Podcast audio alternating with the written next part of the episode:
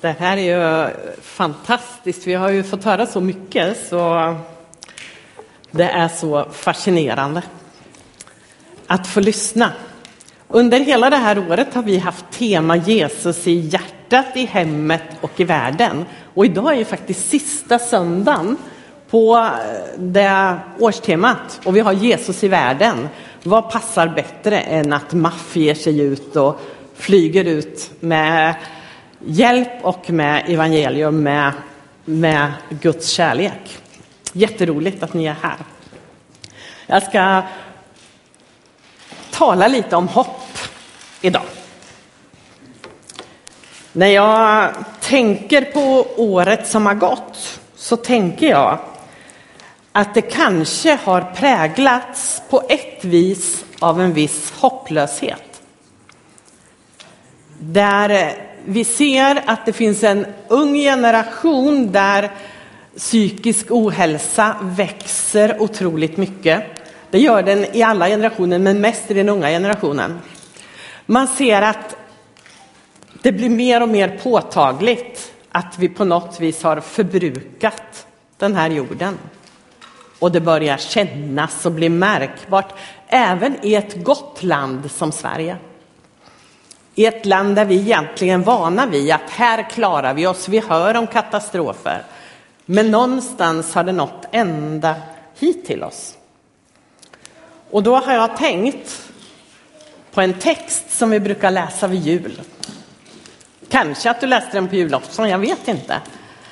Men eh, de först, den första meningen i den här texten skulle jag vilja att vi landar i. Det är från Jesaja 9. Men det ska inte vara nattsvart mörker där ångest nu råder. I gången tid lät han Sebulons och Naftalis land vara föraktat. Men i kommande dagar ska han ge ära och trakten ut med havsvägen, landet på andra sidan Jordan, hedna folkens Galileen. Det folk som vandrar i mörker, mörkret ska se ett stort ljus. Över dem som bor i dödsskuggans land ska ljuset stråla fram. Det folk som du inte givit stor glädje låter du bli talrikt. De ska glädja sig inför dig så som man gläds under skördetiden, så som man fröjdar sig när man delar byte.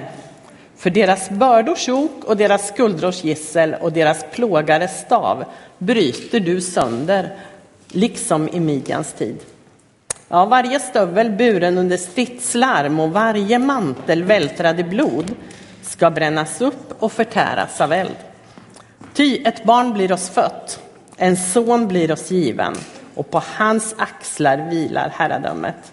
Och hans namn är under, rådgivare, mäktig Gud, evig fader, fridsfurste.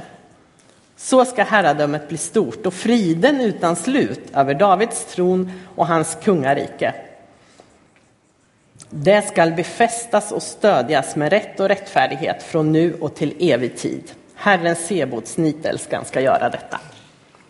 Det var ganska många svåra ord i den här, men det är en text, nu läste jag från folkbibeln och du kanske är van att höra en liten annan översättning. Men jag tänker att den handlar om att leva med ett hopp mitt i mörkret. Det här var löften som Israels folk levde med. Det kommer inte att fortsätta vara nattsvart mörker där det nu råder ångest. Tänk vilket fantastiskt budskap att få komma med in i en värld där man tycker att det mörknar mer och mer. Det finns så mycket i vår värld som vi blir frustrerade över och som vi ser och som vi känner oss maktlösa inför. Och ändå kan vi få säga, det kommer att komma ljus. Ljuset kommer att segra.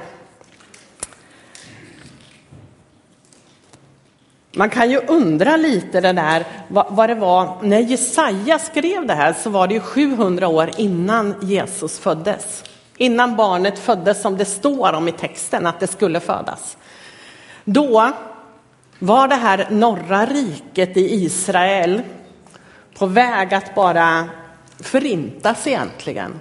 Det fanns inte så mycket hopp. Man hade lämnat Gud. Man hade vänt sig bort ifrån honom och det här Sebulons och Naftalis land, det ligger där på liksom västra sidan av Gal Galileiska sjön eller Genesarets sjö. Och det var landet där inte längre Guds lag gällde. Det var landet som inte fanns något hopp om. Och så kom det assyriska riket så småningom, strax under den här tiden eller strax efter där. Och, och blev, folket blev bortförda och det blev andra folk som sattes dit. Det blev ett hedniskt land, som man sa då när man inte tillhörde folket Israel, inte följde lagen. Och det kan ju vi tänka ibland, att vad är det som händer med vårt land? Vart tar, vart tar det vägen? När vi ser att vi och tycker att vi inte längre följer Guds ord i vårt land. Så jag tänker att det här är en hälsning också till oss i vår tid. Det ska inte vara nattsvart mörker där ångest nu råder. Det tänker jag, att det kan vara en hälsning till, till oss som land, men det kan också vara en hälsning till oss in i vår enskilda situation. Kanske att du har levt med mörker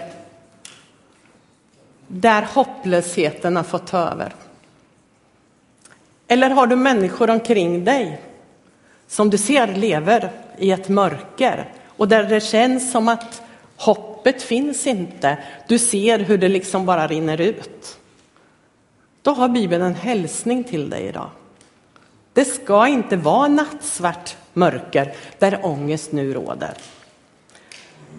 Och så beskriver ju Jesaja det här som han egentligen inte visste mycket om. Men det här var en av profetorden som faktiskt bar Israels folk genom århundrade fram till det att Jesus föddes. Det var ett av de orden som man lutade sig emot. Och när det slutar, det står varför kommer då kriget att ta slut? Varför kommer man kunna tvätta av sig blod ifrån krig och allt det som var så påtagligt just då? Jo, för att ett barn föds. Det är ganska ologiskt att hoppet klamrar sig runt ett litet barn som föds, som egentligen inte kan göra någonting. Som är helt beroende av att det finns människor som skyddar det i den här tiden. Men kanske var det ändå de här orden som gjorde att Maria vågade säga ja.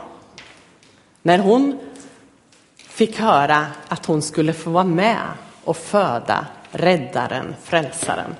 När ängeln kom till Maria och säger du ska vara med och få föda frälsaren så visste hon att det fanns löften för hennes folk.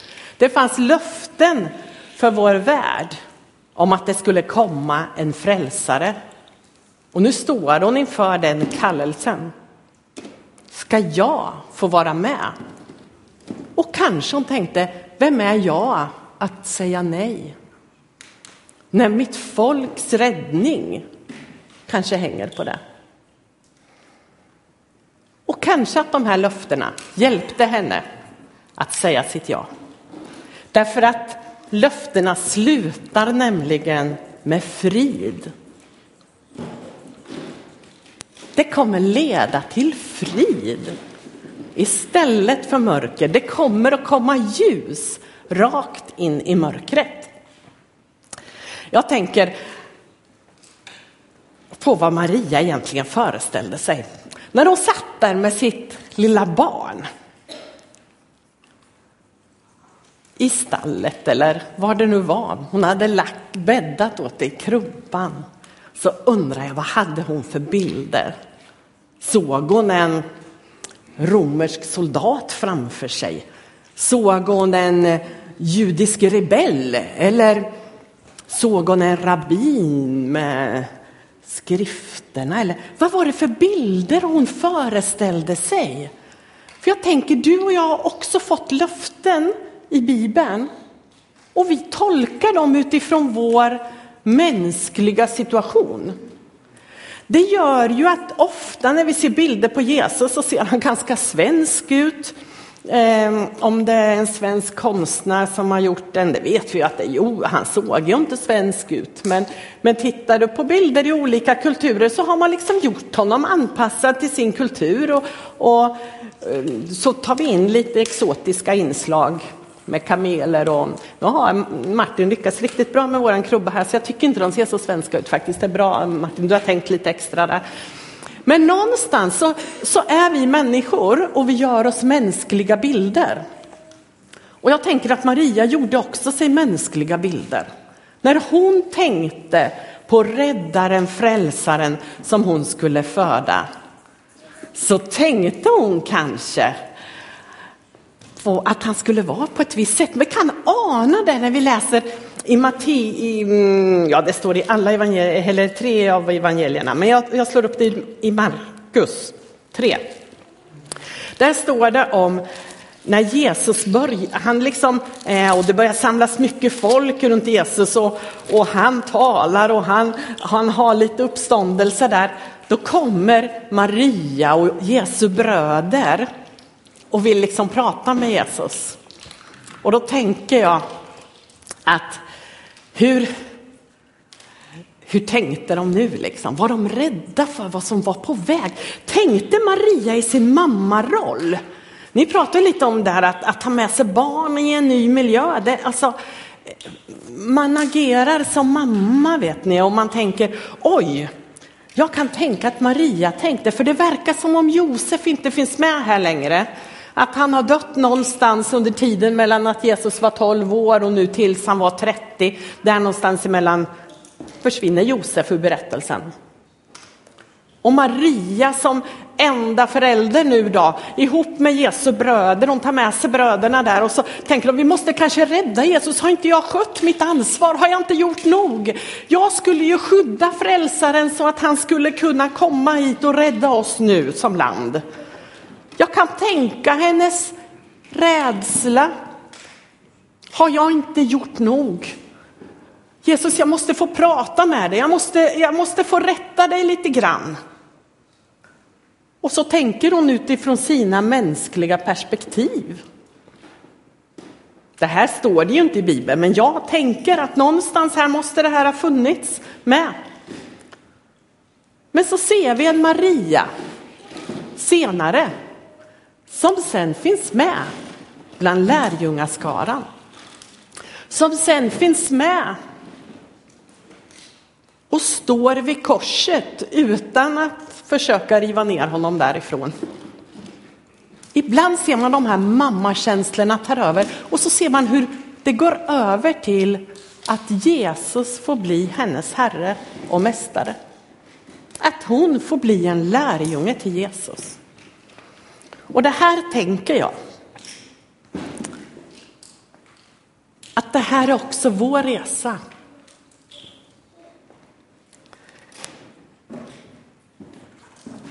För någonstans så behöver vi ge upp.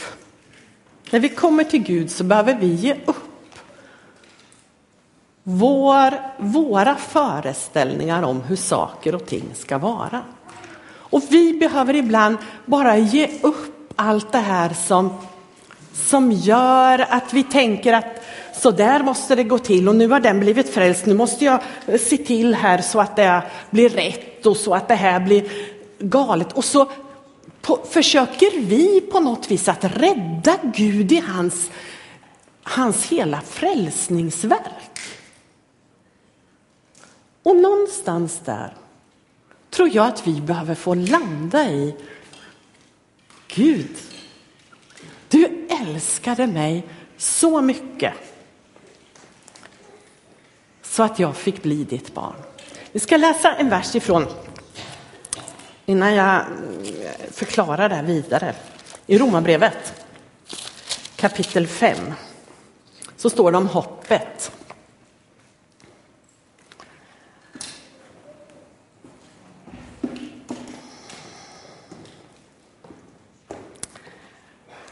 Ja, jag tror att, att jag läser från början där. Då vi alltså har förklarats rättfärdiga av tro, ni vet tror vi på Jesus och hans död och uppståndelse, då blir vi rättfärdiggjorda. Vi blir rena inför Gud. Han förlåter oss våra synder. Då har vi frid med Gud genom vår Herre Jesus Kristus. Genom honom har vi också tillträde till den nåd som vi nu står i och vi jublar i hoppet om Guds härlighet. Men inte bara det, vi jublar också mitt i våra lidanden eftersom vi vet att lidandet ger tålamod, tålamodet fasthet och fastheten hopp. Och det hoppet bedrar oss inte, sviker oss inte, står det i en annan översättning. Det hoppet sviker oss inte. För Guds kärlek är utgjuten i våra hjärtan genom den helige Ande som han har gett oss. Medan vi ännu var svaga dog Kristus i ogudaktiga ställe när tiden var inne. Knappast vill någon dö för en hedlig människa, kanske vågar någon dö, gå i döden för den som är god. Men Gud bevisar sin kärlek till oss genom att Kristus dog i vårt ställe medan vi ännu var syndare. När vi nu står som rättfärdiga genom hans blod, hur mycket säkrare ska vi då inte genom honom bli frälsta från vredesdomen? Ja, jag tror jag stannar där. Det, det går att läsa mycket runt det här. Hoppet sviker oss inte. Hoppet gör någonting med oss. Jag tänker att när vi får hopp, då får vi också styrka och kraft. Vi får handlingskraft. Utan hopp så resignerar vi. Och jag tänker att det är mycket det vi ser idag när vi ser psykisk ohälsa, vi ser människor som på något vis ger upp. Och man tappar hoppet. Men får vi bara lite, lite hopp så ger det oss handlingskraft att göra någonting. Jag tänker att hoppet som vi har är ju ett evigt liv, men det är också att vi har en Gud som är med oss mitt i livet. Hoppet om en räddning gjorde att Maria vågade säga ja till sitt uppdrag. Jag tänker att vår, vårt stora uppdrag är att förmedla det här hoppet. Att det finns någonting mer än det vi ser. Att mitt i det här mörka så finns det ett ljus som lyser. Häromkvällen så kom vi åkandes Ja, det var nog efter Skara där någonstans. Vi var på väg hem ifrån vårt julfirande. Och det var dimmigt och det var mörkt. Och så såg jag, ni vet när man kommer eh, från Skara och hit så är det ganska mycket slättland liksom så. Och man ser ljusen som lyser liksom stuga efter stuga så ser man. Jag älskar att åka på kvällen på slätten här. Ni vet när man åker i skogen så ser man inte så mycket. Man ser bara de husen som är alldeles närmast. Och sen skymmer skogen. Men när man åker på slätten, då ser man jättelångt bort när ljusen brinner. Och man ser liksom, wow, här bor ju folk lite överallt. Jag är ju inte själv. Och jag tänker så där ska vårt hopp lysa för människorna. Så att man ser, wow, jag är inte själv här. Vi gör det här tillsammans, vi går tillsammans. Vi kan aldrig fostra fram hopp. Nu måste du allt hoppas lite. Du får inte, nu får du inte, nu får du inte ge upp liksom här. Nej, men hur skapar vi hopp i människor då? då? Jag vet ni, jag tror att Gud har receptet. Han, han började med att han älskade oss. Kärlek. När vi börjar se människor, när vi börjar bekräfta människor, när vi börjar älska människor så händer någonting med dem. Så älskade Gud världen att han sände sin enda son.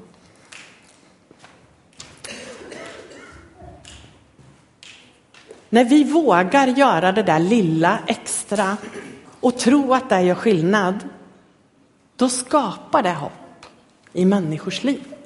Det blir som ett ljus som tänds på slätten som gör att man faktiskt åker vidare.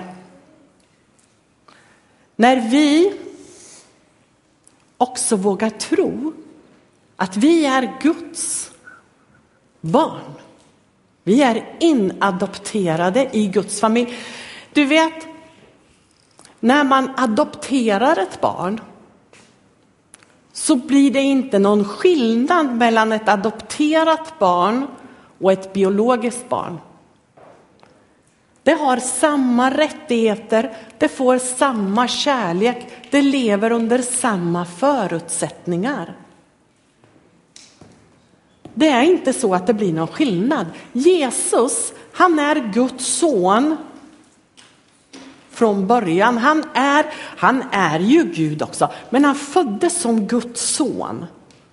När vi adopteras in i Guds familj genom att tro på det Jesus gjorde, då blir vi syskon till Jesus. Då blir vi Guds barn med samma förutsättningar som barnet Jesus hade. Om du aldrig har känt dig riktigt älskad av Gud, så försök att tänk hur Gud kände om det lilla barnet Jesus som var alldeles utlämnat nere på den här världen. Kan du förstå Guds vakande öga över det lilla barnet? Kan du se allt som hände i den här julberättelsen av hans beskydd, det här pusslet som lades? Det är riktat också till dig. Gud lägger samma pussel runt dig därför att du är hans älskade barn inadopterad i hans familj med alla de juridiska rättigheter som det innebär. Det gör att du kan slappna av. Du behöver liksom inte leva upp till allt det här som vi tror ibland. Det här med att läsa Bibeln och be och, och allt det vi längtar efter. Men som vi inte behöver ha som en kravlista. När du vågar tro på att du är Guds älskade barn, precis där du är just nu, precis den du är, då kan du också få vara med och ge vidare den kärlek, det hopp som människor behöver idag. I vår, vårt land behöver vi ett nytt hopp på att det kommer faktiskt att göra skillnad, det lilla jag gör. Det kan handla om miljöfrågor, det kan handla om människors räddning, det kan handla om människors tillfrisknande i olika situationer. Men det kan framför allt handla om att få vara ett Guds barn. Att få tillhöra honom precis där jag är. Med mina brister, med mina svagheter.